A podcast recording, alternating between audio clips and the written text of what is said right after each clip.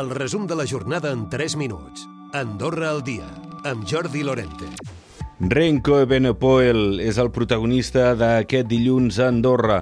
El ciclista belga ha estat el vencedor de l'etapa que ha arribat a Arinsal després de 158 quilòmetres provenent de Súria. Tercera etapa de la Vuelta d'enguany, una etapa en la qual es dubtava sobre el temps si respectaria o no, però ho ha fet i al final fins i tot un atac als darrers metres ha fet que fos més espectacular aquest triomf. La Vuelta, l'esport que han tornat a posar a Andorra Andorra al primer pla de l'actualitat. I França no estaria disposada a mantenir-se com a únic copríncep si l'episcopal plegués per la despenalització de l'avortament.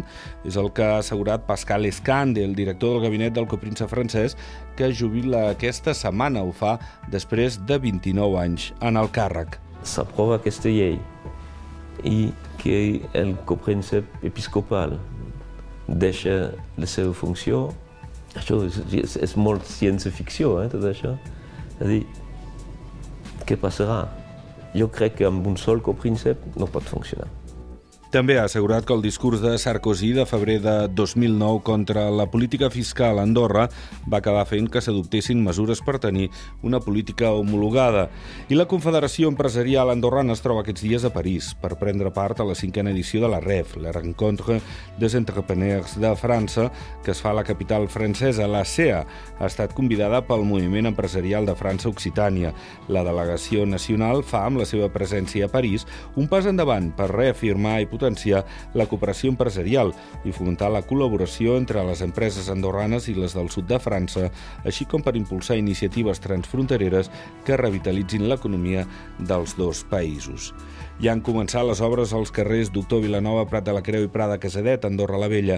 L'ampliació de dos carrils de pujada i un de baixada al carrer Doctor Vilanova no afectarà el trànsit, segons ha dit el Comú, però quedarà operatiu només la meitat de l'aparcament comunal als 8 mesos que durin aquests treballs. En paral·lel, segueix el projecte de rehabilitació integral del viaducte del mateix carrer i al setembre està previst que retirin i se substitueixin les vigues que es troben en mal estat i que ja ha provocat un endarreriment de les obres de 7 mesos i un increment del cost de gairebé 400.000 euros. I d'altra banda, retarda l'obertura de la totalitat del Centre Cultural de Sant Julià de Lòria fins a mitjan 2024. Les obres de millora dels auditoris i la façana en són els responsables.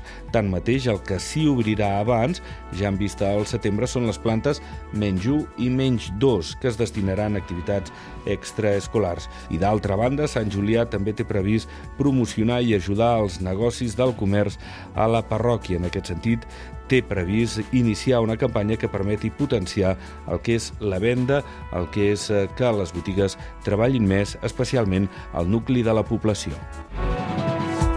Recupera el resum de la jornada cada dia a AndorraDifusió.d i a les plataformes de podcast.